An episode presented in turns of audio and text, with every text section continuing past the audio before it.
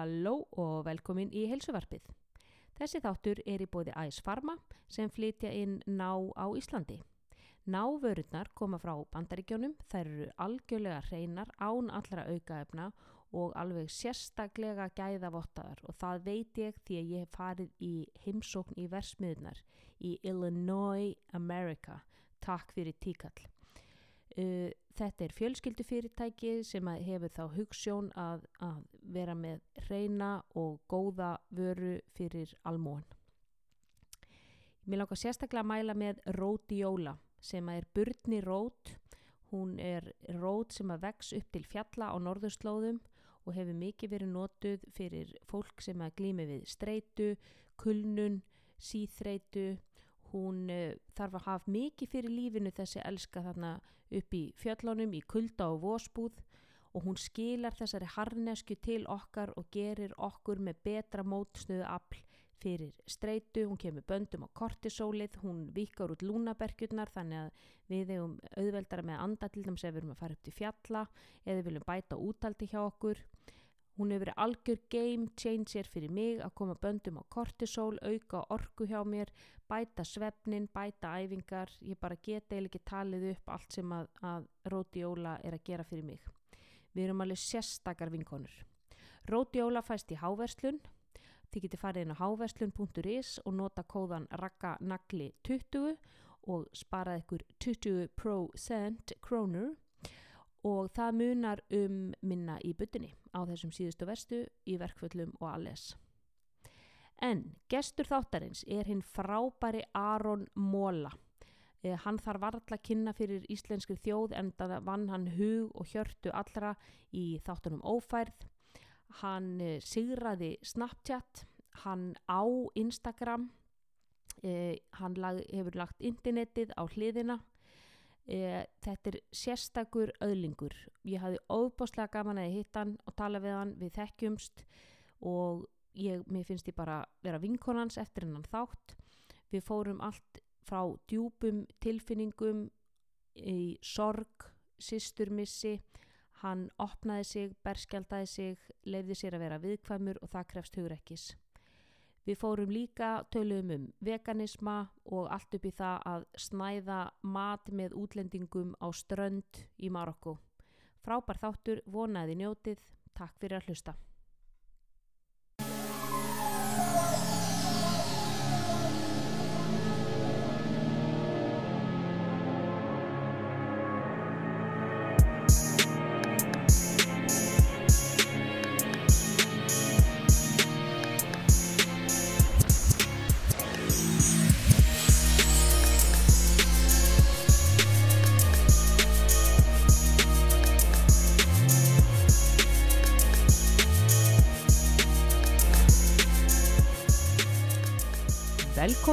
Heilsuvarp Röggunagla. Hér er ég komið frábæran gestinni. Aron Móla, engan annan. Hann þarf nú valla að kynna fyrir fólki en ég ætla samt Aron að leifa þér aðeins að kynna sjálfa þig. Hver er Aron Móla? Já, takk fyrir það, Raka Nagli. uh, já, það er... Það var svona FM 957 fílingur í þessu. Já, ég er náttúrulega búin að vera núna í útvarpinu mikið. Já. Um, en það er einmitt, jú, það er kannski svona kannski eldri kynnslóð sem að kannski þekkir mig núna hvað mest úr ófærinni Já. sem viking. Um, en það er einmitt, ég er búin að vera uh, kannski svona uh, aðeins þekktari hjá yngri kynnslóðinni í eitthvað tíma. Mm En ég er fyrst og fremst uh, leikari, samfélagsmiðla svo lang- Stjarna. Mér langar ekki að segja stjarna, mér langar bara að segja Ég skal segja það fyrir þig. Já, mér lang, eh, sko, og ég er ekki að gera það því að ég er að vera eitthvað humble, en mér finnst bara uh, þú veist fræð er sko, það er rosalega loðið hugtak af því Mm. að það er hérna hvað ég segja, það kemur og fer Mm. þú veist, fræðin kemur og hún fer bara, þú veist, þú getur verið frægur í þú veist, ég myndi segja að ég væri frægur núna Fræðin er fallvöld. já, sem er fallvöld Já. Þannig að stjarna er frekar svona finnst mér uh, eins og áhrifavaldur. Uh, mér finnst orðið áhrifavaldur verið að nota það svolítið óspart í, Mhm, í, í samfélaginu okkar í dag. Mhm. við við allt bara þegar það tengir samfélagsmiðlum. Mm um, en áhrifavaldar eru náttúrulega einstaklingar sem eru að hafa áhrif um, ég myndi segja svona góð áhrif á fólk. Þú hefur sérstaklega góð áhrif á fólk. Sko, svona ef við förum að kannski aðeins í baksöguna ég hafði aldrei heyrt um þig fyrir en fyrir sko tveimur ánum síðan og þá erum við stödd í Köben. já, við erum í köpen, þannig kynnist ég þér. Já, í gegnum frændaðinn sem hefur nú komið í podcast til mín. Vinsalasta podcasti hinga til. Er nákvæmlega, það er hann við á sjáum til með það. E, við, býttu bara Gústi Læknir. Já, býtu bara. Gústi Læknir, frændiðinn, Mhm. móðurbróðin, Já. hann er sem sagt góður vinn minn og uh, hann kom hérna og við töluðum um streitu Mhm. og eins og segir, það eru fjölmarki búin að hlusta það podcast en það er frábært. Hann er náttúrulega hafsjóra fróðleik. Og þá hitti ég því fyrst skipti og þá segir Gústi, heyrðu, ég verð að fá mynda mér hérna með tveimur samfélagsmiðla stjörnunum. Og ég horfa því og ég bara, "Bíddu, hver er þessi maður, ég hef aldrei séð hann og, Já, já, ég man eftir því Já, Ég þá- var vel í glasi þá Þú varst vel í glasi og svo fylgdist ég með þér á Snapchat síðar um nóttina að koma heim í einhverju Kristjaníu hjóli. Já, Já. Góði maður. góði tímar. Það var mjög fyndið Já, en það er einmitt sko, það, þar varst á Snapchat Mhm. og uh, svo ertu virkur líka á Instagram og, og þú hefur gríðarlega góð áhrif á fólk því að ekki einungis getur þú látið að hlæja og þú ert náttúrulega sko sérstakur með sérstakar leiklistar hæfileika og ímyndunarafl og ég fylgdist með leikþáttum þínum um hvað var ekki, eh, venni sem að vegan Vegan Vignir. Vegan vignir. Já, já, hann var sérstaklega skemmtilegu karakter. Já, hann var, það er öll hans fjölskylda. Hápunktu fyrir sem ég segi sjálfur á Vegan Vignir var það sem að sprengti mig upp já, sko. já, já, hann var svona alltaf einhvern veginn með grátstafin í kverkonum og, og hérna, Alltaf að mistakast. alltaf að mistakast það var alltaf einhvern veginn ónýtt hjá honum. En síðan hefur ekki síður haft áhrif á fólk bara með sko hinnum ímsu, ímsum öðrum aðferð, þú er til dæmis verið með að vinna mikið með að, að svona vekja aðtegli á uh, sorg og, og hvernig maður glýmir við hana og Tilfinningar. tilfinningar. Þú gafst út frábæra bók, batnabók eða ekki? Jú, Já. bara núna um jólin. Já, getur þú sagt okkur aðeins frá henni? Tilfinningablær heitir hún Mm. og það er sem sagt þú, hérna, já, þú ert að tala um, um allir gráta uh, styrtarsjóðin um, og sem sagt félagsamtökin Mm Sem þú stopnaðir? já? Já. ég, Hildur kærasta mín Já. og Orri vinnu minn, Hildur Skúladóttir og Orri Gunnlaugsson ok. um, Orri er að læra sem sagt hérna, hann er í, í London núna í master í viðskiptafræði ég, nei, markarsfræði fyrir ekki Mhm. Í markarsfræði og Hildur er með BS í sálfræði Mm. úr HR Mhm. og ég er að fá BA núna í leikaranum í mæ Mhm. þannig að uh, við komum öll frá mismunandi sjónasviðum eða svona mismunandi vinglum uh, svona, hvað var það uh, mismunandi starfskreinar Já. um, sem að haldast alveg í hendur Mhm. þegar kemur að þessu alltaf að því að við erum búin að vera rosalega duglega að nýta okkar svið mjög vel eins og Hildur eh, tók fyrir til dæmis þessa bók þessi bók er hugmyndin mín um, ég fæ hugmynd um að tala um tilfinningar og líka við grunnþarfir Ah, að, því leita ég fór alltaf með fyrirlestra þegar við byrjuðum þessi samtök fyrir tveim árum þá byrjaði ég að fara í grunnskóla og mentaskóla Mm. Með, uh, með fyrirlestra þar sem ég er að tala um samtökin og aðeins mína baksu og hvernig maður á uh, hvernig, við, hvernig maður getur hvað maður á að gera þegar maður lendir til í áfalli mm. og þegar maður er að upplifa eitthvað sem maður þorir ekki að tala um Mhm. við nákomna aðila Mhm. og ef maður hefur enga til þess að tala við þetta um að þá hvert maður gæti leitað Mhm. Og hvert gæti maður leitað? til dæmis ef þú ert eh, í grunnskóla Mm. þú átt erfitt bakland Mhm. bara tökum vestu dæmin Mhm. þú ert með erfitt bakland þú bara ert, í, ert ekki með mikið tröst innan fjölskyldunar Mhm. um, segjum kannski að þú átt bróður eða systur Mhm. uh, sem þú getur talað við þá byrjum við, það, byrjum við þar þú getur Mm. ekki talað við fóreldra og getur kannski talað við sískinni ef þú eru eldri um, uh, lítið að tala við yngri sískinni sem að Mhm. maður er sjálfur fyrirmyndin ef maður Mhm. er alltaf eldri um, ef að það virkar ekki þá er hægt að leitast til uh, nákomnar eins og frændur eða fr- frængur eða frænda og, og til dæmis eins og Ágúst ég leitaði oft til hans Já, já, Um, ég er ekki hiss á því. nei, Nei. en það mjög fróður eins og segja, sjóaður í streitu Já, já. og Þannig að þegar þú varst að glíma við þína sorg, já, sem að þegar að sýstir þín dó Já. þá leitaði þú til Ágústs Uh, ég, sko, ekki beinlínis nefnilega, það er nefnilega ég geri það ekkit almennilega fyrir en ég byrjar að átta mig á að ég þurfa að díla við það. Já, þannig að þú veist að fyrstu fyrstu kannski tvö árin eitthvað, ég tala alltaf við hann og ég ná alltaf, alltaf þegar hann var á Íslandi og alltaf þegar ég hitt hann, þá töluðu alltaf um það sko, mm, um, um þetta og ég svona, en þá var kannski minni innistæða fyrir því að minni hálfu vegna þess að ég var ekkert byrjar að díla við það sjálfur. Mm, ég vissi hvað hann var að segja mm, skildi orðin mm, og ég skildi og ég vissi hvað hann vildi heyra. Veist, mm, þannig séðan ég, ég var kannski meira að reyna að impressa heldur en að Hva, en hvað raun ertu gamall þarna? þarna er ég, þetta er 2011 ég er 18 þegar þetta gerist. Þú ert átján þegar þetta gerist? Já, held það, ég er að vera 19 alveg öruglega, Já. hvort sé 17 ára 18 eða hvort sé 18 ára 19 ég er 2000, ég er fættur 93, ég er ekki góður í hugreikning Nei, þannig að þú, þetta gerist 2013 er ég tvítur Já, þannig að þetta er 2011 Já, Þú ert átján þá ára ég 18 ára Þannig að er ekki fyrir tveimur ára setna sem þú ferð að, að, að kljást við sorgin og vinna úr henni. Já. Hvað, hvað þegar, þú, þegar þetta gerist, Já. e, þetta uh, sýstín deyr í, í, í ræðilegu bílslýsi, er það Já. rétt hjá mér? Já. Og einhvers konar atvikið sem tengist bíl við vitum ekkert almennilega ennþá hvað gerist þið, það er svoleiðis. Já, það, við höfum hugmynd um það út frá, út frá krupningu en aldrei fengið staðfestningu það var keirt á hana, það komi heim til ykkar og láti vita hefði sér keirt á hana. Eða, það var keirt á hana eh, sko líklegasta raunin er að það var keirt yfir hana mm, mm bakkað yfir hana í, í sumubústa í. Já, með vinafólki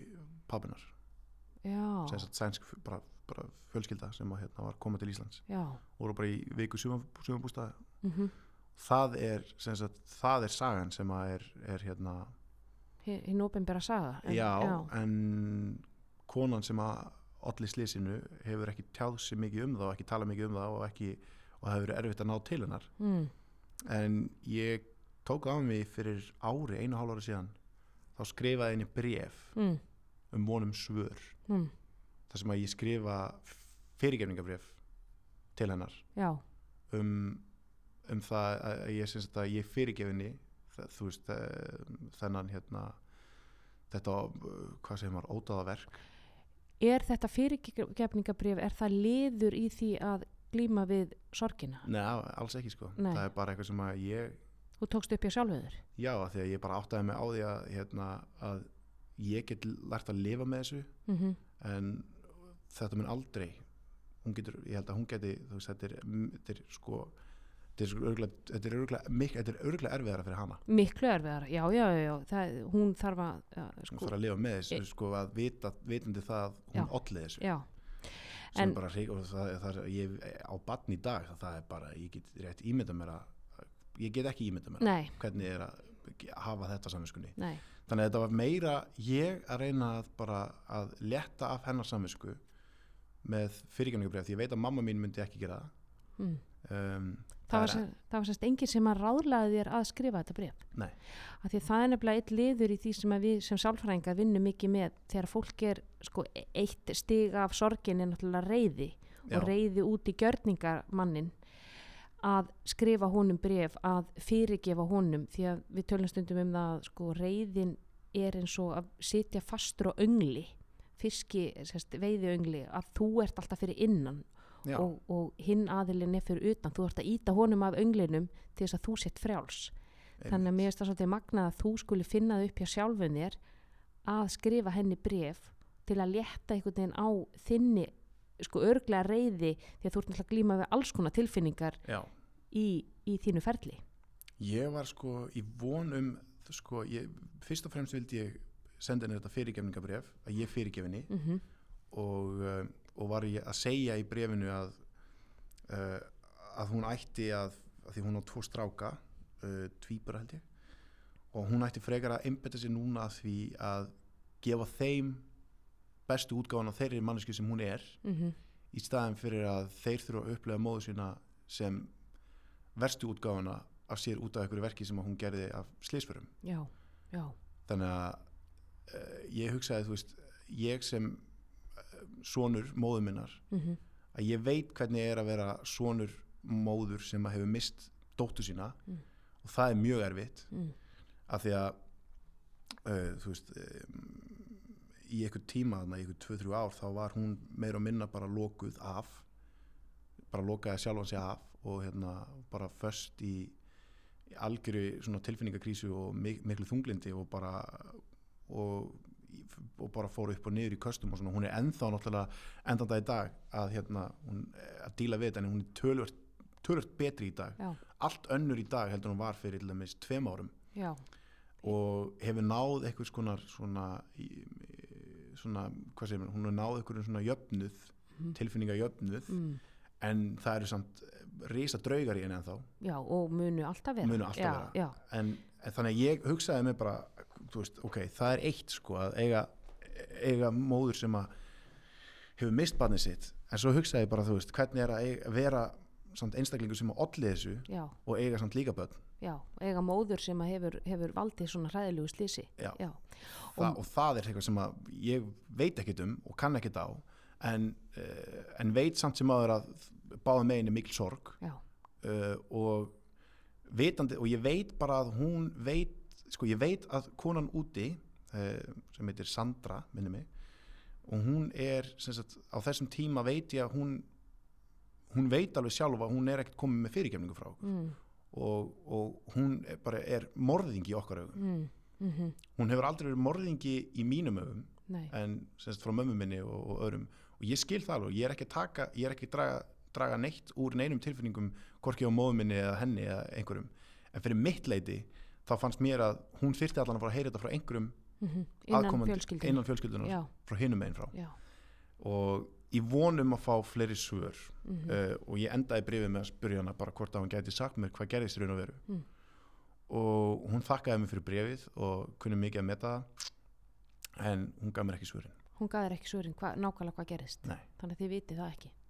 Nei. ég bara hef aldrei fengið að vita Nei. nákvæmlega hvað gerist. En eins og segi, krupning, uh, krupningalæknin tók til orða að það hefur kert yfir hana. Þannig að já.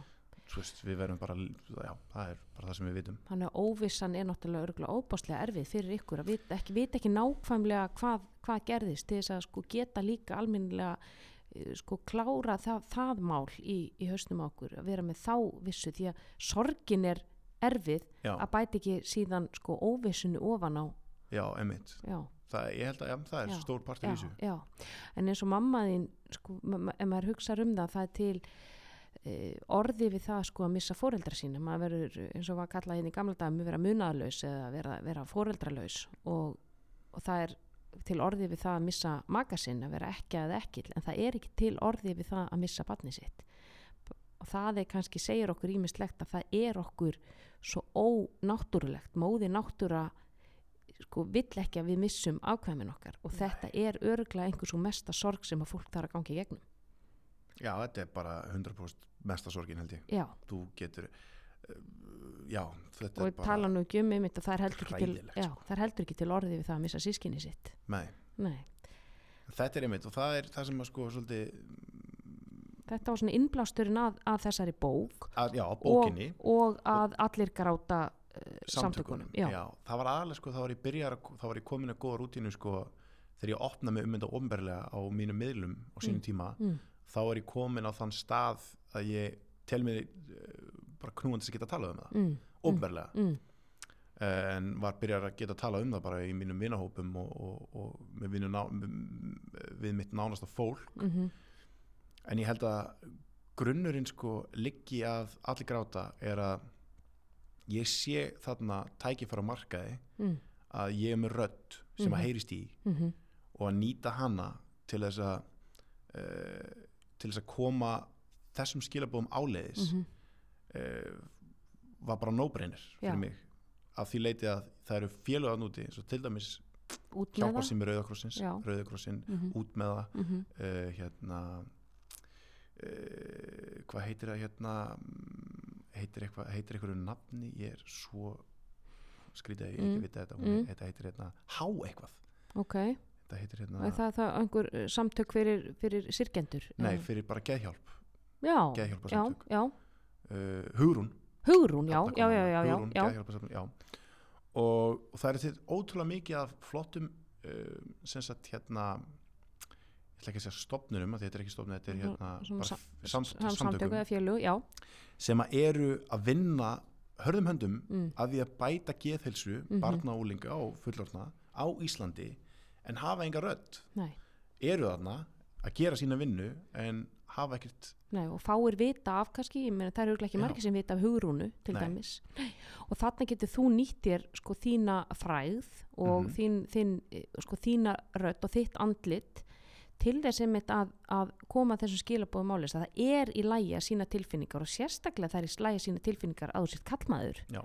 það finnst mér, sko, það krefst hugrekkis að vera berskjaldæður og þegar þú kemur fram og talar af eigin reynslu það er svo mikilvægt og að geta sagt ég er búin að syrkja og ég er búin að gráta og ég græt oft og ég á bátt og ég, þú veist, upplifi tilfinningarófið frá A til, til, til Ö. og það er í lægi og þið hérna sem krakkar sem að lítið upp til mín og ég er fyrirmyndin ykkar það finnst mér rosalega virðingavert framtak og þú átt alveg róskili fyrir það að koma fram og segja ég á líka bátt ég, ég finn til líka. Veist, ég er fyndin á samfélagsmiðlum en, en inni mér er ég stundum grátandi og stundum græti ég kottan þegar ég er búin að loka símanum.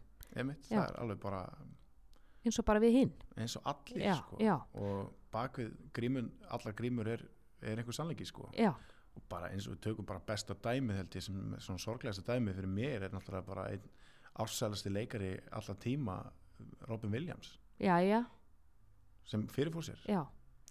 Allir, allir sem er bara einn finnasti og einn bara merkilegasti leikari sem hefur bara verið til staðar. Já, en mikið myrkur í sálinni þar. Emitt sem Já. engin engum hefði dottið í hug. og þetta er svo útræð og það er leðilegt að þetta hafi gerst af því að og þetta er, þetta er til í svo mörgu eins og til dæmis Latti hefur ofnbærlega talað um það. Já, já, hann glýmið mikið kvíða Já. og já, þannig að þú veist að þetta, þetta er þarna út um allt sko, ef maður er dramaleikari ef maður er algjör dramaleikari þá kannski m- myndi fólk meira halda, já, það er mikið tilfinninga, já, svo kannski er það bara mjög eðlugur einstaklingur, en síðan er gamanleikarinn og, og, og, þar er, er einmitt mjög mikið mikil dimma í sálinni. Já, en þú ert náttúrulega leikari já, og ert að læra leiklist. Og þar lærum við að berskjald okkur. Heldur betur. Og, og opna á þetta en ég held að það sem náttúrulega þá kannski byrja að skrúa eins frá vaskinum þegar hérna, ég átt að máði að þú veist, við erum með, með þetta við erum öll þessar við erum öll þessar eh, lifandi verur. Og það er enginn þarna úti sem að getur sagt, já nei ég upplifið ekki tilfinningar. Nei, það er, og þú veist, það er margir hérna sem að býta alltaf á jakslinn og eru harði naglar og, og eru að reyna og eru að berjast fyrir því að hérna, og, bæði konur og kallar sem að berjast fyrir því að, að halda upp einhverju ákveðni ímynd. Mm og, og þú veist, sérstaklega heldur bara fólk sem er í st- stórum, stórum stjórnastöðum sko, innan einhverja stóra fyrirtækja eða samtaka og, og þú veist, eins og fósitar og eitthvað svoleiðis Mhm. að þetta er náttúrulega það er er rosalega brenglað að, að, að svona stórir að það er oft talað um að svona stórir einstaklingar veist, þau þurfa bara að fara eftir ákveðnum ímyndum. -hmm, svo er síningi veikleika. Mm og veikleiki er tilfinningar eru tengda við veikleika. Já, og það er það sem að mér finnst vera eh, sko um leið og maður opna fyrir tilfinningarnar á sér og ofinberlega þá ekki bara endur ofinberlega, bara fyrir sjálfum sér og fyrir þeim sem er í kringum sig og maður talar um þær þá er ekkert annað, þá er ekkert að fyrirstöðu. Og þar kemur ég að grunnþörfunum. Mm að því að um leið og þú, Raka, myndir fá þér núna að borða í þrjá mánu, þú myndir alltaf halda í þér. Þú myndir aldrei fara á klóstið og kúka. Já, þú, ég veit ekki læknis orsökunar, ég kannski ekki ringt í Gústa hringt í Gústa já, og spurt hvað gerist ef ég held í mér í þrjá mánuði. Já, ég, ég held samt að við getum bæði gert ykkur grein fyrir því að uh, annarkvört myndum við bara fá massíf harlífi mm, og endanum myndum við fá innvorti sýkingu mm og, blæðingar örgla já, bara, og já, þurftum að fara til læknis Já. og, og eitthvað reykilegt myndi gerast. Já, og þetta er að dæmis ef þú myndir, þú veist, handlegsbrotna og fela mm eina sem þú ert að, það, þú, já, kannski fólki í kringu tekur eftir því að þú ert nagli, Mhm. rakka nagli. Já, en á sama tíma þá ert þú ekki að gera þér neinum, þér er gott, þú getur kannski fengið sýkingu, beini getur byrjað að gróa vittlaust, mm þú getur byrjað hérna, þú komið með minni hreyfi getur í handlegin, Mhm. þú veist og svo on og svo on. Já, þannig að okkur er kent frá að við erum pílun lítil að ef við meiðumst eða slösumst eða við verðum veik að þá förum við upp á spítala eða við Mhm. förum á tölvu lækni mm og við fáum útskýringu á því hvað er að gerast Mhm. og við fáum lækningu við því. Og það er það sem að heimurinn er það er rosalega op, opið. Já. það, er, það er aldrei tapu að fara til læknis. En að fara, en þegar við erum með glímaði tilfinningar Já, Þá það, er það ekki, það er ekki áþreifanlegt. Nei, það er ekki áþrifað, það sést ekki á þér. Nei, og, og það er svona þín þykir sína smá veikleikamerki en málið er að, við, við líka frá barnæsku er okkur svolítið kent að upplifa ekki neikvæða tilfinningar. Svona svona, þetta er nú ekki svo hræðilegt. Svona svona, þetta verður nú bara búið. Þetta græraður hann að hérna þú giftið, þú kemst nú yfir þetta. Já, var hann að stríða þér, já, já, þetta að vera að hlusta á þetta. Þannig að við valit erum aldrei tilfinningar, við Já. valit erum ekki neikvæðar tilfinningar hjá, hjá börnunum okkar og leifum þeim ekki að upplifa þær, já veistu að ég skilða bara vel að þú sért svektur yfir því að hann skulle hafa sagt og væri með stór eyru. Já, það er bara mjög eðlilegt að, að þú sért leiður yfir því. Þannig að nú skaltu bara fá að vera leiður í smá stund og, og síðan skaltu bara við skulum aðeins að ræða þetta. Þetta er eitthvað sem vantar. Okkur va- vantar að fá að upplifa líka og setja í neikvæðu tilfinningunum. Mm og einhver segi, veistu að þetta er í lægi það er alveg í lægi, það er í lægi að gráta það er í lægi að vera svektur full, pyrraður, Já. leiður kvíðin og það er bara skiljanlegt og þú færð empathíu og samkend frá þínum veist, þínum nánustu en þegar við sko frá blöytu barspenni erum okkur kent einhvern veginn að íta þessu niður og íta þessu til hliðar og bara girða okkur í brók og halda áfram með lífið, við erum, Íslendingar erum svolítið þar -hmm. Þá finna þessan tilfinningar sér alltaf einhvern farveg, þar finna sér farveg einhver staðar annar staðar. Heldur betur. Já, og maður veit það bara, maður, þá verður stittri manni þráðurinn og maður fer bara einhvern veginn að pyrrast út í umhverfið og um, umferðina jafnvel og flauta á mann og annan og koma heim eftir vinnuna, það gerðist eitthvað í vinnunni og við förum að pikka eitthvað fæting við makan bara, þú veist, út af því að það er ekki tómatsósa með fiskinum eða skiluru. Einmitt. og þetta er, Mm. og mér finnst samt sem áður að það er rosalega mikið á eldri kynnslóðinni í dag, að það er rosalega mikil sko uh, hvað ég segja, þetta er hérna ignorans, Mm. hvað er ignorans? Svona fáfræði. Fáfræði Mm. um, fáfræði er kannski svolítið svona ljótt orð Mm. en þetta er meira svona upplýsingaleysi. Já, já, upplýsingaleysi einstaklinga af eldri kynnslóð sérstaklega ef við fyrir að tala um heilsu, heilsufar mm. eins og til dæmis að breytum mataræði. Já, það eitt og sér finnst mér vera rosalega fyndi fyrirbræði fyrirbyrði, fyrirbrigði fyrirbæri, já, fyrirbæri já, að um leið og ég tók ákvörðum að hætta að borða kjöt já, að þá fæ ég oftar en ekki komment frá einstaklingum sem borða kjöt. Af hverju? Já. Það er einmitt sko, þetta er góðu vendipunktur ertu þarna, þú ert sniður. já, en þetta er, þetta er, þetta er svo skrítið að því að En mér langar nefnilega með að tala um þetta við algjörlega, Já, við komum sko- því eftir smá. Já, en, þá, en það sem ég er að koma að þetta, tengt þessu við tilfinningarnar já, er að þetta er bara sama upplýsingaleysi að einstaklingur sem að hefur farið í gennum lífið sitt út frá einhverjum, sko við erum ekkert annað en bara gena sundlaug, uh fóreldur okkar og af, af veist, og fólki sem þú ert með vast með og hefur verið með meiri hlutunum þínu lífi Mm. frá tvítur tvítur, eh, sko já, segjum ert tvítur einstaklingur, Mm. meiri hlutunum þínu lífi eru samskipt við fóreldra hérna já. og Foreldrar sískinni sískinni, já. Já. Þannig að þú getur rétt ímyndað að þeirra vitneskja Mhm, er það eina sem þú veist já, og svo er það sem þú læri í skóla og svo vininir, þú aflaði ný, nýra nýra vitnesku geg- gegnum vini og gegnum vandamenn og en það, er stundir sagt að þú ert summan af þessum þínum fimm nánustu. 100% Þannig að ef það er sko þínu foreldrar, sískinni og kannski tveir, þrý vinir, að þú ert svolítið summan af, af þessu fólki. og ef að þú veist þessi summa kemur af einstaklingu sem að tala illa um uh, tala illa um fólk Já, eða tala illa um ákveðna lífstílsbreytingar mm og hugsa já nei kjöt og mjólk og ostur og mjólkuvörur og eitthvað Mhm. svona, það er gott fyrir beinina þér já, verður að borða það. Já, Já. Við, við erum öll með góð bein nema að setja með beinasjúkdóm já, nefnum sitt með osteoporosis.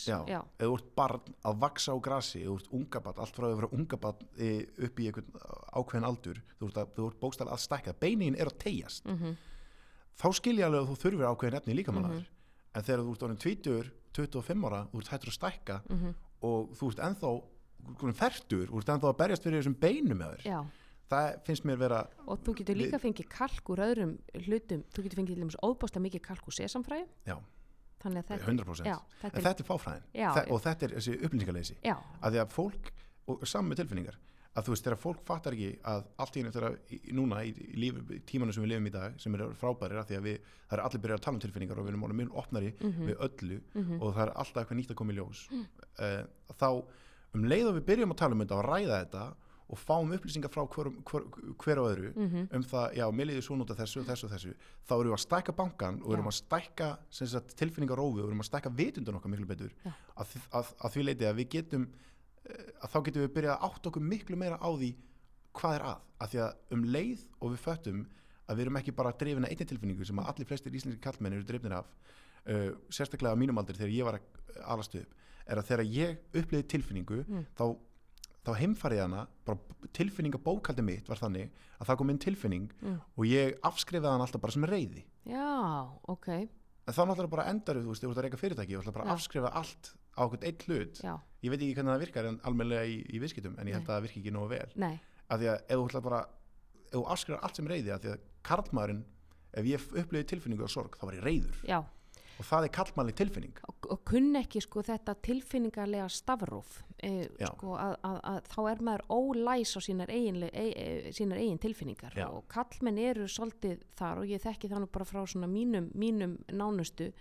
að, að upplifa bara tvær tilfinningar annarkvært er ég gladur eða ég er pyrraður Já. og það er ekkert þar á milli en eh, sko ég veit það að þú ert að upplifa miklu fleiri tilfinningar sko bæði maður minn og faði minn þetta eru menn sem að upplifa kvíða og hræðslu og áhyggjur og sorg og, og reyði og, og pyrraðir og þú veist, upplifa þetta allt saman en kunni ekki almennilega að lesa þær vegna þess að þeim hefur aldrei verið kenda og, og kallmenn fá sérstaklega litla kennslu frá bara sínum nánustu í, í því að fá bæða að upplifa þær og að það sé einhver sem segir já, nú ert þú að nú, nú ert þú sorgmæntur, nú ert þú reyður, nú ert þú kvíðin veist, þetta er það sem þú ert að upplifa. Og góða punktu líka að fólk sem er bara, þú veist, annar með dæmi fólk sem er bara, bara glerhart á því að það er að borða kjöt og mjölkuvöru, bara dæmi. Já, ég dæmi enga sem borða mjölkuvöru og kjöt ekki miskila mig, Nei. mér er alveg sama hvað, hvað þú gerir kæri hlustandi, mm þú gerir bara það sem þú þarf að gera. Ef að það virkar fyrir því,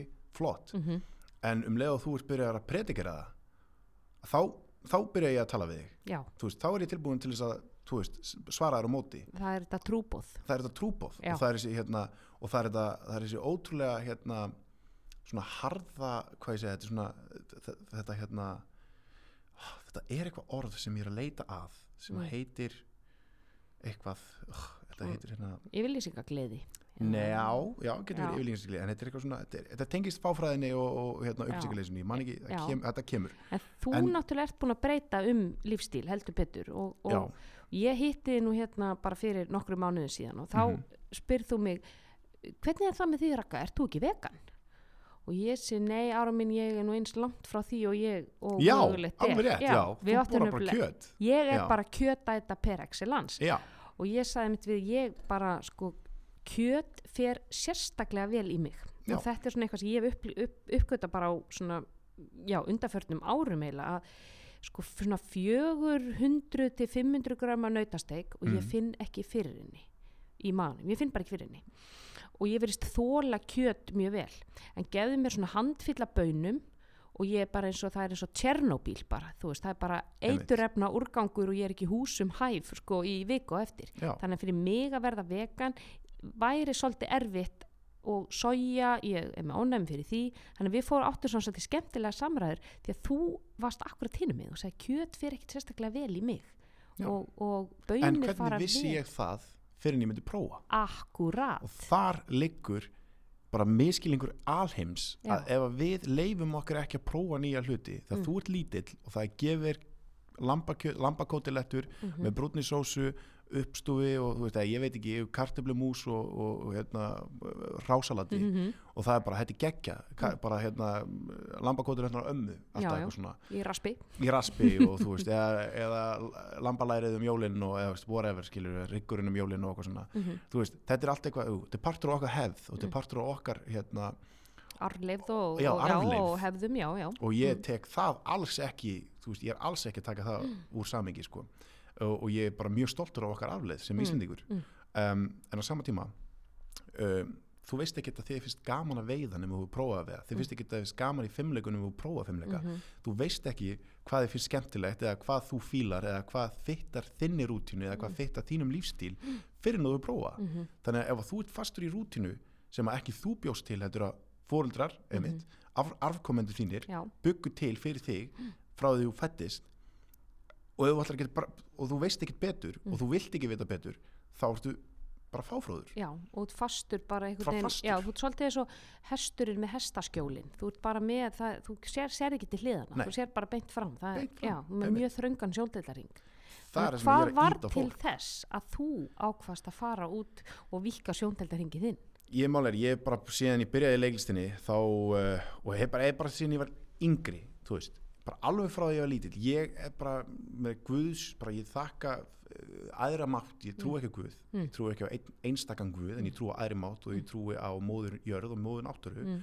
ég er mjög spiritual en ég trúi ekki á uh, eitthvað eitt, eitthvað eina eitthvað eitt being Spiritual en ekki religious. uh, já, Já. Já. Mhm. um, og ég trúi að sé eitthvað eitthvað svona eins og maður slettir greater good mm Mhm, núti sko. mhm. en um, það sem ég var að komast að er að hérna hvað, ég datt út, ég líka þú, já, já, já, að þú er að þannig að Guði gerður. já, Guði gerður, Eða móður náttúru gerður. já, að hérna ég hef alltaf viljað prófa eitthvað nýtt Mm. frá ég var pínlítill Mm. uh, tökum Subway sem dæmi Ok. Subway er góð, þetta er bara gott, góð leið Mm. sumir eru fastir að fá sér sama bátinn Mm ég fæ mér bara BLT, ég fæ mér bara túnfisbát, ég fæ mér bara þennan bát Mm. ég að, ég fór á Subway í hvert einasta skipti og ég fekk mér alltaf eitthvað nýtt á hann og alltaf einhverja nýja sósur og alltaf eitthvað nýtt. Það var aldrei sami báturinn. Þú ert nýjungagjarn og ævintýragjarn. já, og, það, og erfiðasta sem ég fekk var spurning ef ykkur var að fara að ná í mat fyrir mig hvað viltu, að ég gæti ekki sé matinn. Já. ég gæti ekki sé bara, hm, langar að prófa þetta. Eins og til dæmis og bara, þú veist að- staðir sem bjóða upp á var svona um, mikið úrúbal til þess að velja sjálfur þar er ég bara, þú veist, á góðum stað menn aðri myndi fóð kvíðakast Já, ég, því bara vilja bara halda sér í sama réttinum og fara aldrei út fyrir þann rétt já, ég er, ég er þ- Sko, ég tek enga, enga, í mat tek ég enga sjensa. Ef ég skildi, ef Nákvæmlega. ég skildi fá vondan mat, já, ég er svo matsár. já, Ég, það, ég, veistu, ég er alveg að segja að, að þú þá særufertu á konu gráta, sko, ef þetta er vond og mér finnst þetta ekki gott, ég veit hvað er gott, ég fekk það síðast og ég ætla bara að halda mig við það. Engin, það er ekki tekin enni sjensar. Þannig ég tek hatt minn ofan fyrir þér og, og, og þínu þóri. það er bara að ferðast í Suður Ameríku fjórun og hálfa mánuði en náttúrulega bara, Já, það er bara mjög erfitt fyrir þig þá já þannig að því þú, þar ertu að, þú veist, þú getur verið inn í borg, stór borg og þú getur fengið McDonalds, mm Mhm. skilur ef allt annað klikkar og Já. ef McDonalds þú getur allan að fara á McDonalds og þú veist hvað það var að fá Mhm. ég elskaði ekkert meira en að prófa nýja nýja hluti á meðan ég var að núti mm uh, og var með félagum mínum, góðum vinnum mínum -hmm. sem að hérna svo blessunalega er heftur í þessu sko Ok. alveg hérna uh, hann, hann er með, en það er mikil höft hjá honum þegar kemur á mat Mm. af því að hann elskar bara þessu kjöt, hambúrgara, pizzur ok, og og bara í þessari röð en sko. hvernig þreifst hann þá í þessari ferð? mjög erfitt og hann var eins og þú örgulega þetta var eins og að, þetta var svona kallkinsútgáðan kannski af þér Já, hann var mjög erfiður oft Já. og stöðum við fórum í svona þorp það sem eru engnar það er ekkert kannski Já. til þess að ekkert sem þú veist um það er ekkert garantíað nei, og það er ekkert eh, þú veist, það er ekkert 100% þarna Nei. og þú þarfst virkilega að leita eða langar að finna einhvern fínan mat. Ég get alveg reitt með því að bara fara í ykkur búð og finna það sem á til og reynda að púsla ykkur saman. Og við vorum góður í að búti túnfisalat það var alltaf túnfiskur í dós út um allan heim. Við vorum góður að gera túnfisalut og, og, og samlokur. Það virkaði ykkur tíma og, en svo kynntist ég einu manni sem að opnaði ennþá meira sjónaldaringi fyrir mig sem byrjaði, það er ástæðan hverju ég byrjaði að elda meira Mm. um, þegar ég kom heim. Það var eitthvað frakki í hérna í, í litlu þorpi í, í sko Peru sem heitir Tarapoto sem Mhm. er bara uppið Amazofrumskoðin ok, og þetta er, þetta er bara þorp. Mm. þetta er mjög stórt þorp. Þetta er Mhm. svona, þetta er bær svona. Og mikið af veist, og er í rosalega mikið þú veist, er, þau eru mjög eftir á mm af því að það er rosalega mikið af fólki sem er í þessum þorpi sem eru komin af sagt, eh, af, afkomendum sagt, eh, frumbyggja. Já, innan úr, veist, þannig er, og það eru ennþá fólk sem býr inn í Amazon frumskoðunum Mm. og, og og eru þá flakka á milli þú veist, ná sig kannski í einhverjar vörur í þessu þorpi mm og þú veist, það er eins og þú þarft þannig að þú getur Mm. eitt ímyndar að úrvalega hlutir sem eru þar Mhm. eru mjög takmarkaðir Mhm. fyrir svona vestrannan hérna, uh, Já, vestrænan einhvern forréttinda pésa já, eins og- já, eins já, og mér sko, já. og honum en þá hitti ég hann frakka á þessu hosteli sem gistum einhver eldri kall sem búin að vera þarna í einhver ár bara inn í frumskoðunum og, mm. Mm, og með félaga sínum og hérna og ég, hann var bara sem var með hann var með gaffal, skeið, hníf og svo kjötsaks, já, stóran kjöt, kjötnýf Mm. vafið inn í hérna e, vafið inn í viskustykki Mm. og á hverju mótni þá fór hún á markaðin Mm. og keifti sér mat Mm.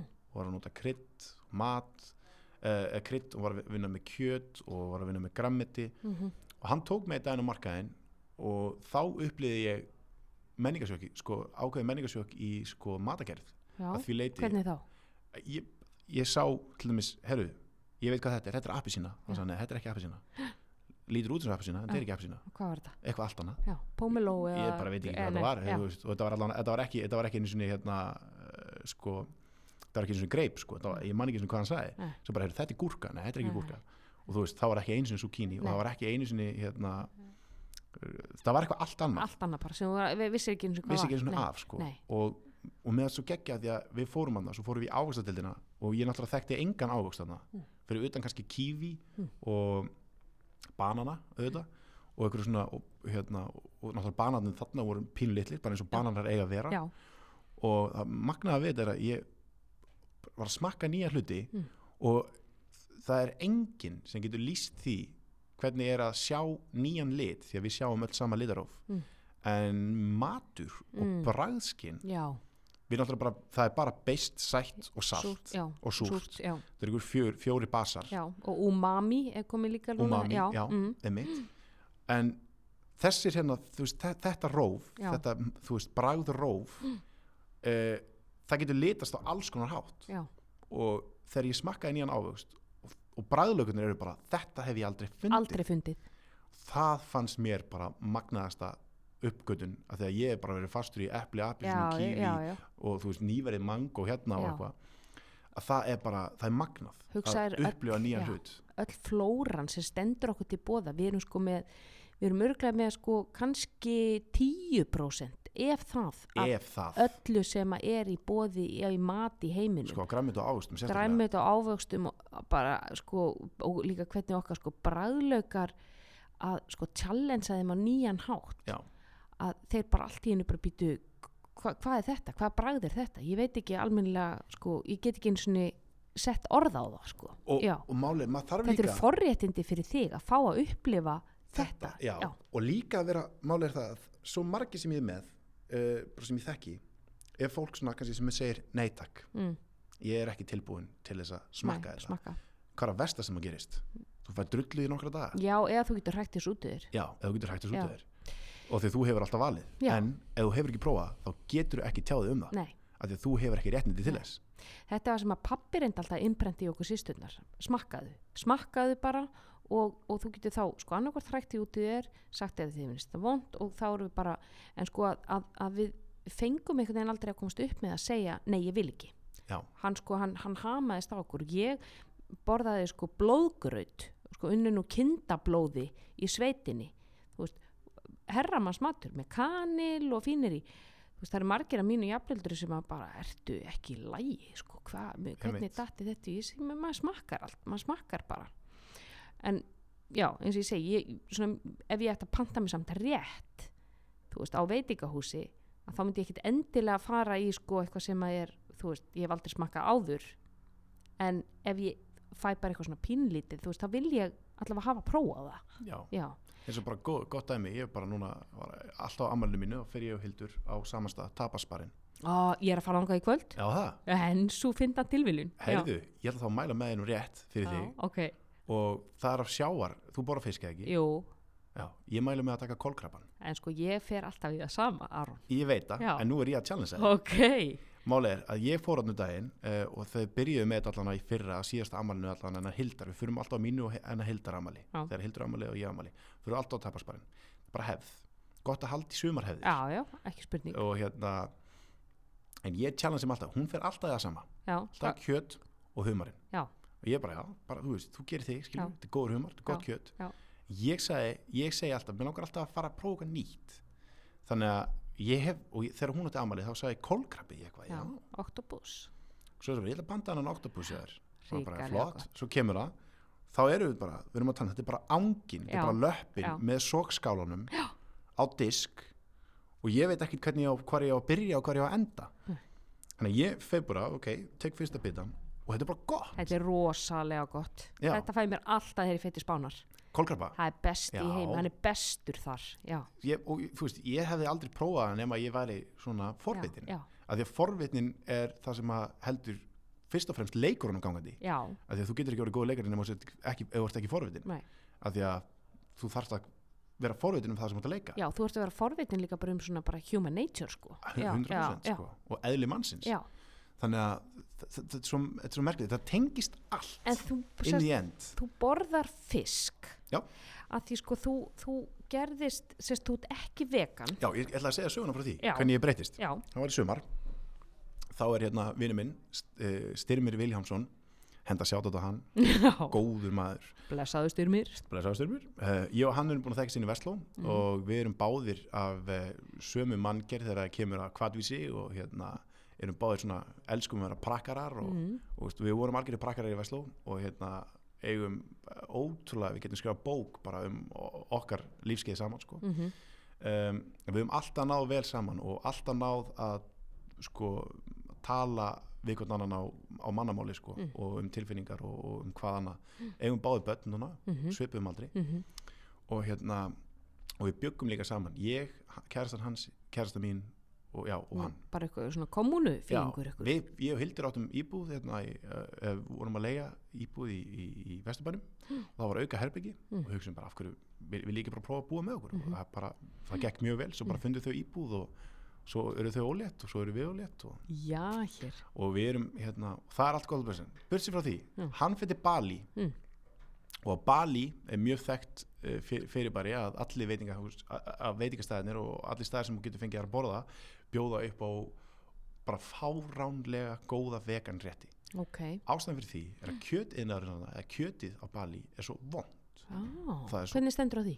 Ég held að sé út af hita, út af geimslu já, út af uh, bara yðnaðinum mm, þú veist það er ekki fristikælar það er ekki, þú veist, Mm. þetta er bara mm. fátakælar þannig að þau vinna bara með hitt sem við erum með getur fengið kjötana en það er bara ekki gott nei, en græmitið og allt er alveg bara Já. bara og þau eru með allt á reynu þegar kemur að vekaréttum Mm. og gera það rosalega vel Mm. hann var þarna í mánuð minni mig Mm. með kæristunum sinni og hann sagði bara þá var hún ólétt minni mig á og hann bara hugsaði með sér ok, veist, ég það er ekkert mál fyrir mig bara já, veist, ég get ekki fara að leitast eftir kjöti alla daga eftir ykkur góðu kjöti þannig að hann hugsa, hugsaði bara með sér já, ég ætla bara að prófa að breyta og þú veist, að því að hann hefur ekkert annan kost á völ. Þannig að hann byrjaði bara að vera vegan Mm. borða bara vegan mat að núti Mm. uh, á hverjum degi. Og hann sagði strax að því að ég og hann erum mjög svipaðir. Mm. og eins og ég tók fram við erum búin að þekkjast lengi Mm. þannig að uh, eins og einhver sagði að uh, góðar vinkunur eru með samstilta samstiltan tíðarhing já, þá erum við með svona samstiltan vinarhing við, það er Já. eitthvað svona, erum, er einhver ára sem að, já, við getum stilt okkur á.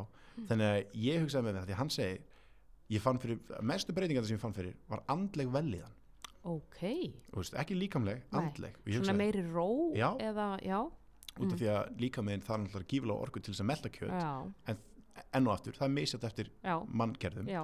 Og uh, sumir, su- í, sum, fyrir suma er það bara rosalega erfitt að Mhm, melta kjöt. Já. fyrir aðra mjög öðveld um, og þá hérna sagði við mig að hérna bara einmitt andlega og það, ég tók það veist, svo sann líka, þú veist leið betur bara, þú veist, líkamlega Já. og bara, veist, orku meiri og Já. dari, dari, dari já, og, betri hægðir og já, allt bara hæð, já, allt í, en ég, eini faktor sem ég tók var andlega velliðan já, hann kemur heim og þú veist, það líði ykkur í mánur ég er ennþá bara kjöt og ég bara svona var búin að heyra af þessu og svona, svo er hann í bústa núna í síðasta sumar með kærstunni og hérna og barninu og ég með litla minn og, og hildi og sýstu minni. Mm. og við ákveðum að vorum að fara hérna í hvað heitir staðurinn hérna, hérna þar sem þú getur farið og fengið góðan mat Kim, Kar- Kim Kardashian fór hérna, þetta eitthvað gróðurhús hérna, já, fríðheimar Friðheimar? Já, hérna- tó, tómataveldið. Já, fórum Mhm. mm geggjaði staði Já.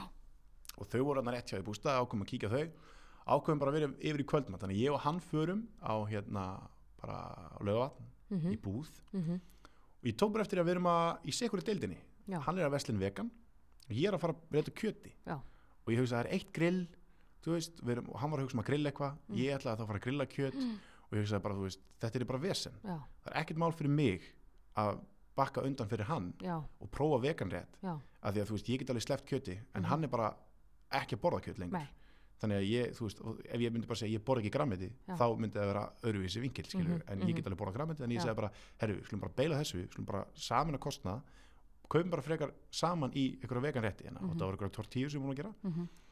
og ég man bara að ég fór, við þetta grillum, það leit mjög vel út og hann hvað voruð þið með? Herðu, það er, fyrir matarperrana. Sko, hvað Voruð þið vorum við með?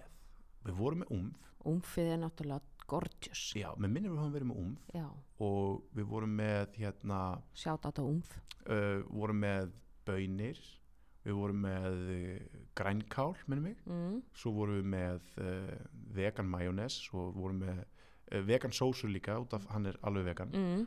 og ég man ekki hvað sósu þetta er svo vorum við bara með salsa sósu það follow your heart er með vegan mayo veit ég mm Já. man ekki hvort hvaða tegunda var samt Nei. en minnir að hann hefði tekið það með sér eða hvort að þau voru bara með vegan majóni já, og vorum með vegan ost. Já, uh, svo vorum við með uh, við vorum með, ég er að reyna að munna þetta sko, ég man ekki sko alveg. umfið er eiginlega bara eins og kjúli þannig að þú veist, að þetta eru basically bara eins og bara kjúla Já. að, já, og við bara, við eldum þetta já. og glýrindismáltíð og þú ert alveg bara urlandi sáttur hann með já, þetta? ná, ég borðaði þrjár. Já, það er bara svo leis hefði ég borðað þrjár tortíu með kannski kjúklinga eða nautakjöti já, ég hefði ekki getað staðið upp nei, úr sófanum. Þetta veit ég bara minni reynslu. rúlaðir frá stólnum yfir í, á legubekkin já, og liðið illa Já. og í manum. Já, verið með slæmarhæðir eftir það. Og uh, verið mun þreyttari.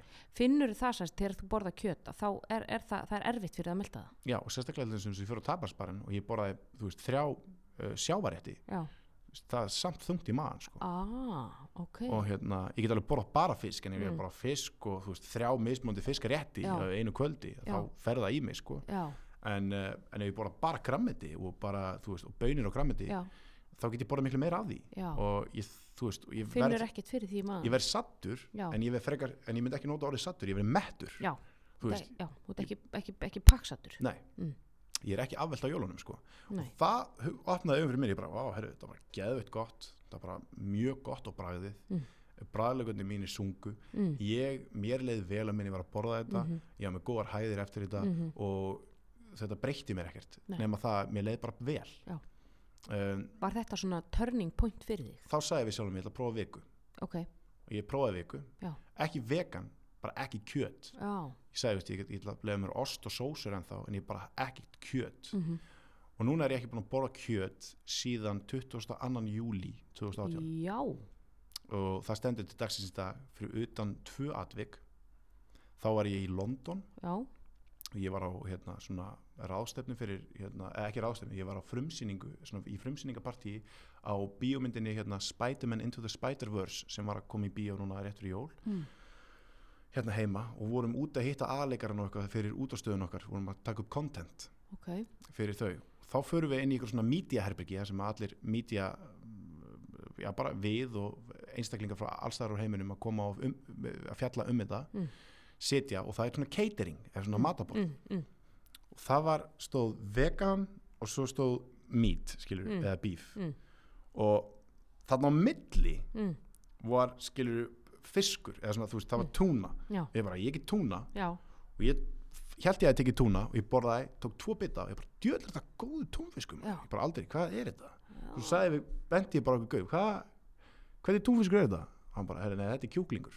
Ah, þá var ég eitthvað, oh, djöfullin maður. Já. auðvitað er það gott.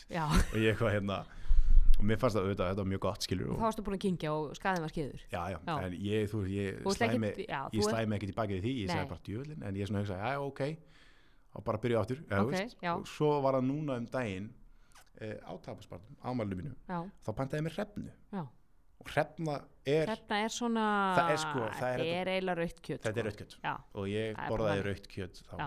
en uh, ég afsakaði, mín afsakun er þetta er sjáadýr já, en hérna, ég hugsaði bara með mér, já, þetta er fiskur hrefna er já, Hún er já, og ég, ma, ég fann það, ég borðaði þessar hrefnu ég hugsaði, Já. djöfullin maður, þetta er geðveikt, þetta er geggja gott sko. þetta er ekki gott Já. en veist, og ég eins og ég segi frá, Var þetta eh, carpaccio, já, carpaccio, Já, já, já. já. er, hún er nefnilega og það var og það alveg, þú veist, það stendur upp og hefur alltaf staðið upp um mér, hefnukjöt hefur alltaf verið Já, mjög gott sko já. og hérna, og langröður er líka góður en ég er á móti þeim miðnaði að Já. einhverju leiti hrefna er svona semifiskur. Semifiskur sko. En svo ef við tökum, einmitt, ef við tökum þann pól hvaðan ég stend þegar kemur að þú veist að drepa dýr já, og, og það sem, sem veganismin stendur fyrir Mm, að þá er ég varðandi þann lífstíl? Já, varandi þann lífstíl að þá hef ég bara eitt að segja að eins og ég tók fyrir áðan þá er ég mjög spiritual mm, og ég tengist móður jörð mikið mm, að samkvæmt þeim upplýsingum sem að hafa verið gefnar núna af bara fagfólki og öllum þessum heimildamindir sem hafa komið út. Um, og ég hef kynnt mér þetta til þaula því mér fannst þetta ókveikjandi. Mm, að er það að kjöt yðnaðurinn í heiminum stendur í það miklu hámarki mm, að beljur, Mm. eitt og sér bara yðnaður, belju yðnaðurinn mm, kjöti sem við vinnum úr beljum og gasið sem að þær búa til mm, er mengar meira mm, heldur en allur bílafloti Mhm. allur skipafloti og allur flugilfloti Mm. til samans mm, og við erum að tala um skipa, bíla og sko versmið og, hérna, og versmiðfloti líka Mm. sem að menga frá sér mm, ef þú tekur alla þessa faktora mm.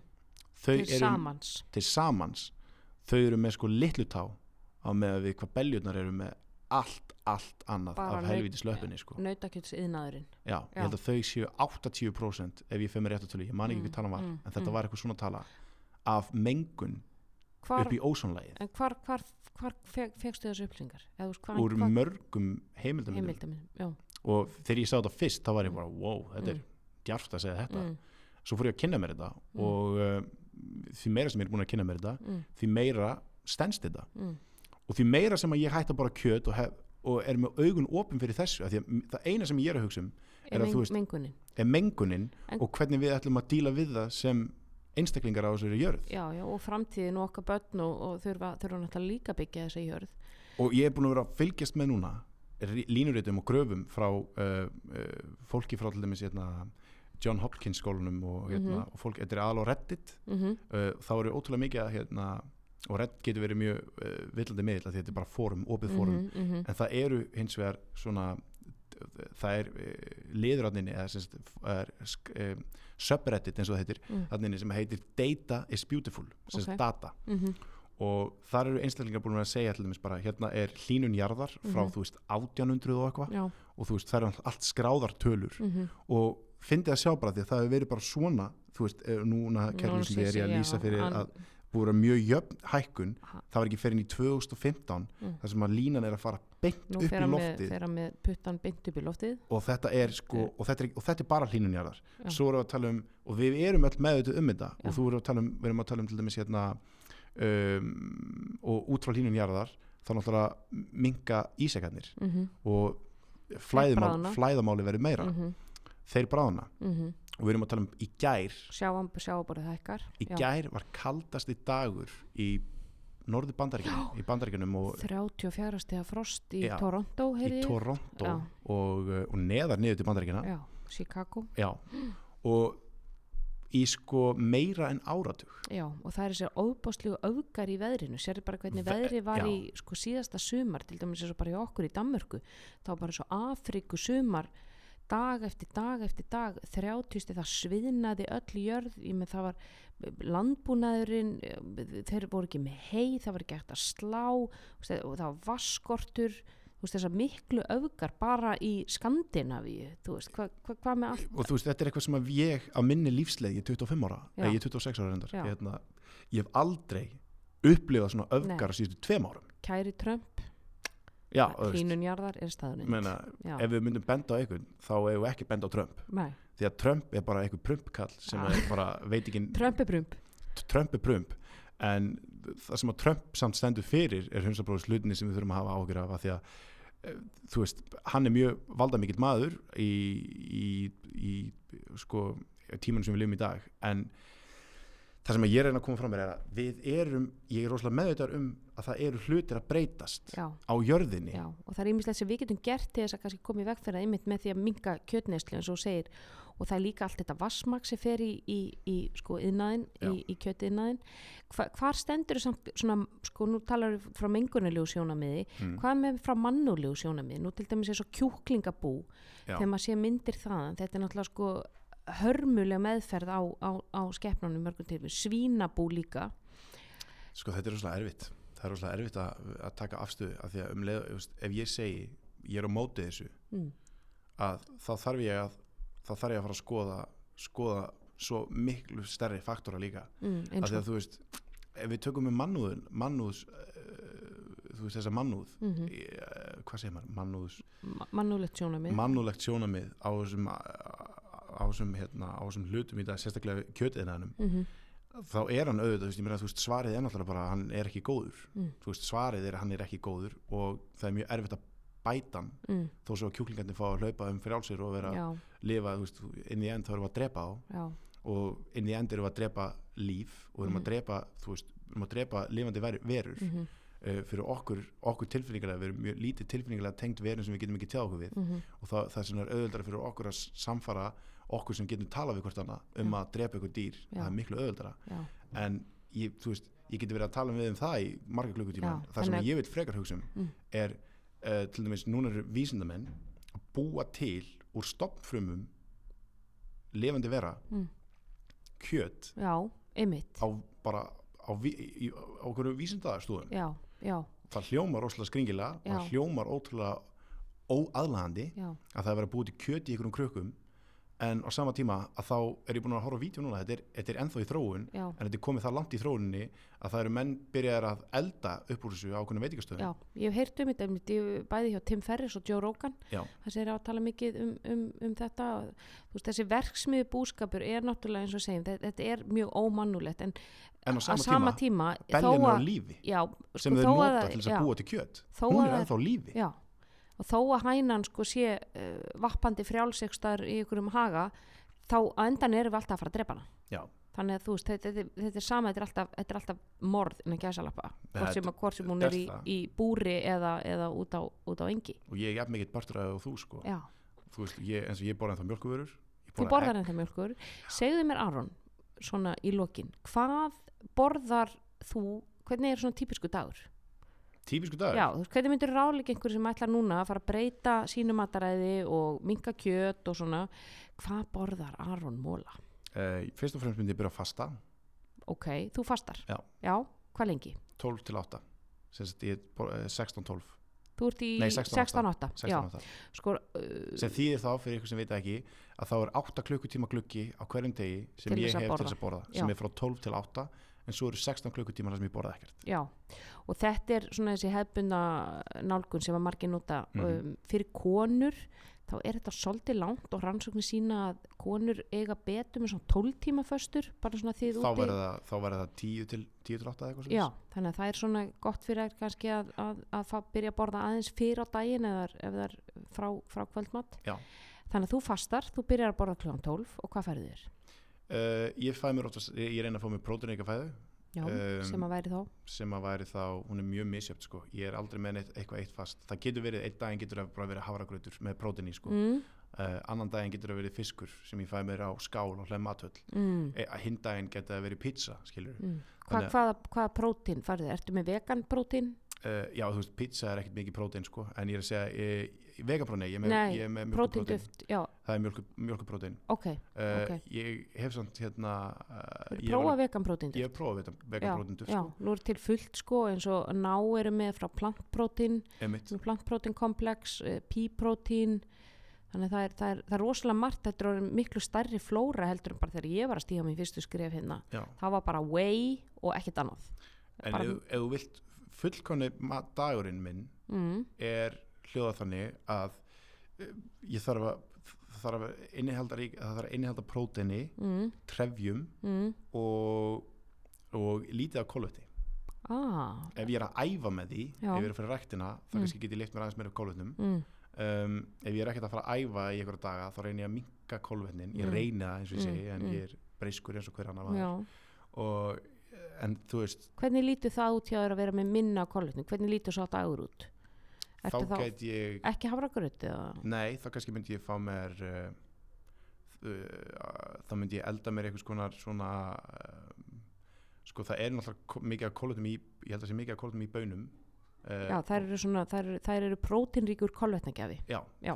yfir kólefni þannig Mm. ég myndi byrja sko fyrsta máltíðin má vera stór Mm klukkan 12, þú Mhm. ert ekki búin að borða í 16 tíma -hmm. og þá getur það verið góð baunakása Mhm. með grammeti og já, that's it bara góð baunakása með, með grammeti Ok. og, og bönir það getur það verið, þú veist, það getur kjúklingar, nýrnabönir uh, linsubönir, Mm. uh, allt bara bönir bara, það er bönir sem þið finnst góðar Mm um, bara grammeti, þú veist, brokkoli uh, uh, brokkoli uh, spínat -hmm.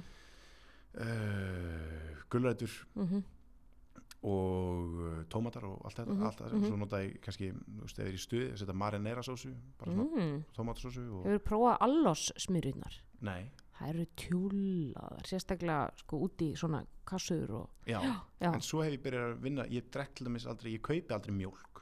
Nei. kaupi aldrei bara nýmjólk eða léttmjólk Mm. ég kaupi frekar uh, havramjólk Já, og ég, en, hérna, ég er sponsorar af Jósa. Jósa, já.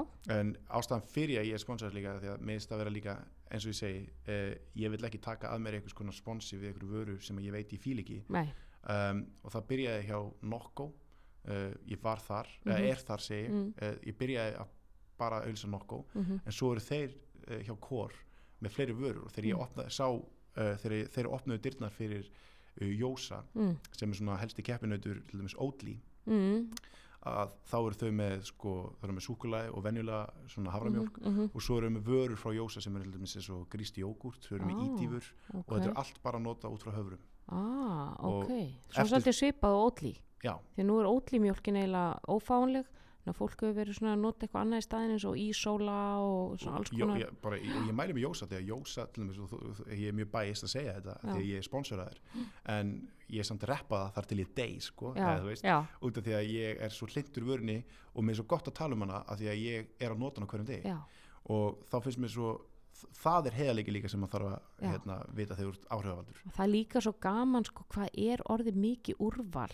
Sko, það er náttúrulega hjálpar okkur við erum komið svo stórt vegansamfélag já, og það er svo öflugt, þú veist, eins og veganbúðin til dæmis, veganbúðin.is þar sem þú getur fengið bara allan fjáran í, í innan vegan heimsins og, og svo netto. og netto er með sko þvílíkt úrval og eigandi þess er vegan.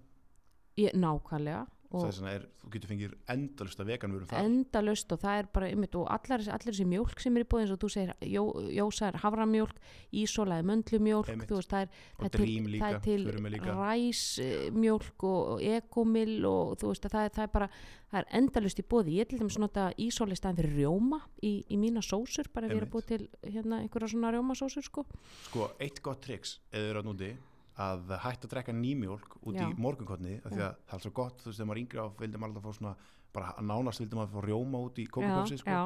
þannig að nýmjólk var alltaf svona best í kókupöfsi en ég mæli með, ef þið langar að fá svona meiri sætu Já. í, þú veist, til dæmis uh, því að kókupöfsi er ekki nei, en svona, eh, þú ætlaði að fá þér kannski special K sem er heldur ekkit holt. En þú veist, það er hollari valkostur heldur en mhm, hérna, heldur en frosted cornflakes eða eitthvað. Mhm. þannig að ef til dæmis bara tökum special K þá er mjög gott að nota kókosmjölk ah, þetta krakkar er lifehack í bóði Aron Móra það eru sætun þannig að Já. alltaf eiga eina kókosmjölk já, en svo ertu með haframjölkinu líka bara til þess að halda það í stabilum sko. Og ég nota til dæmis þá nota ég havra og havramjólk Já. og svo setjum prótein og svo bláber. Mm, það er, hérna, það er það sem ég er að vinna með núna sísta og það er bara rosalega það er bara kolvetnisríkt, já, próteinríkt og svo ykkur andrósunar hefni í bláberunum bara, því að bláber eru súperfrút Já. Svo ertu, svo ertu uh, búin að fá þér bönakásuna kl. 12 Klukkan hvað gerist svo? svo myndi ég þá kannski fá mér um, uh, já, svona havramál havraléttmál í staðin kannski fyrir skýr frá, uh, frá Jósa til dæmis. Uh, ef ég er ekki með það með mér þá þú veist, leifi ég mér alveg skýr að því ég borða það mjölkuvörur mhm, um, og kannski þú veist handfyllar hnetum. Mhm, og það er kannski bara klukkan þrjú til að Mhm. halda orkuninu uppi. Svo þetta er ekki niður. Mhm, uh, svo kannski um fimmleitið þá kannski fæði mér veist, ef ég er ekki ef ég er ekki að gera neitt þá Mm. get ég fengið mér eitthvað þá mhm. ef ég er busy eða eitthvað þá kannski þú veist þá get ég sleppt í en kvöldmaturinn er svo ræðst af bara uh, oftast reyni að borða ég borða mikið úti veist um, en oftast nær reyni að elda heima Mm. og þá er það enn og aftur kannski bara þú veist, kannski er það pastaréttur, Mm. en léttur pastaréttur Mhm. þannig ég reyni ekki að ofkera kolvettunum upp, þannig Mhm. ég ger kannski minna pasta og meira af hinn Mm um, eða bara sleppi pasta yfir höfuð. Hvað setur, setur í pasta? Ertu, þá er ég að nota bara, ég nota svona vegan kjöt, já, þá umf? svona minch Nei, Nei. Það, það er svona eins og kjöt hakk Já, man ekki frá hvað merkið er. korn eða svona, man ekki Já, hvað já, já, merkið já. er sko, en það og- eru nokkur merkið sem Já, ég kaupi bara já, eitthvað. Bara það sem er til oftast. Já, það er til svona í Danmörku, heitir eitthvað plantefars. Já, og það er bara eins og, bara eins og, uh, maður horfir á þetta, þetta er eins og nautahakk bara í, og bara ótrúlega gott. Já. þá kannski, þú veist, og bara spagetti bolognese. Ég bara gerir upp spagetti bolognese en það er bara vegan.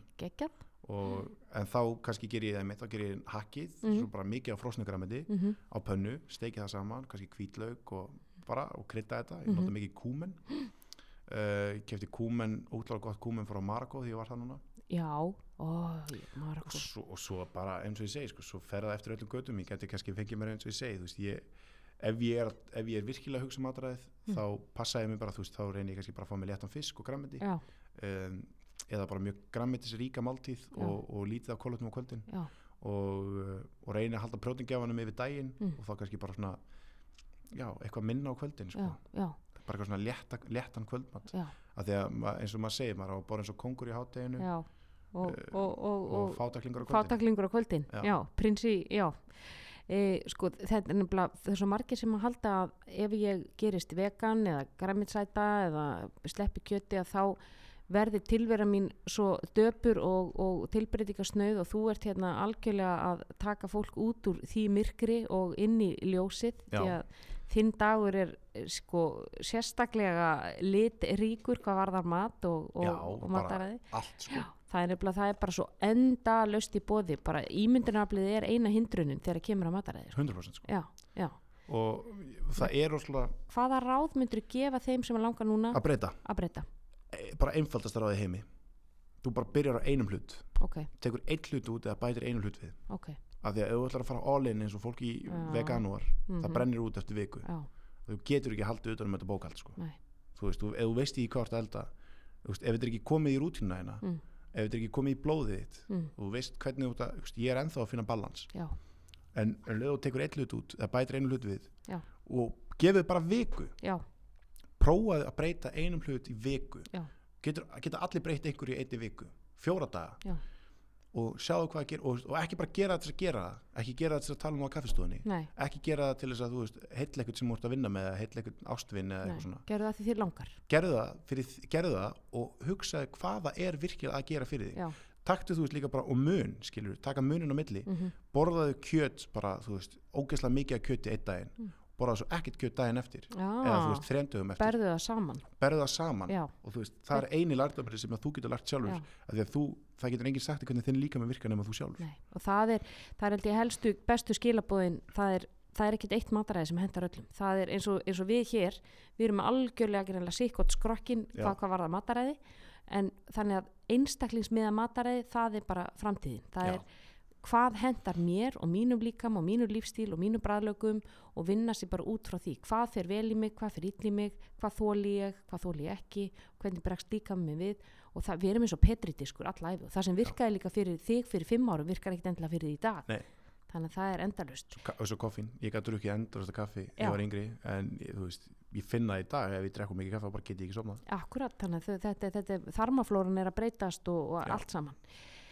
Það er búið að vera frábært að fá þig, Aron. Við erum Já. búin að fara um víðan völl, við erum búin að tala um tilfinningar og kjötátt og, og við erum búin að matarperrast og allt saman. Já.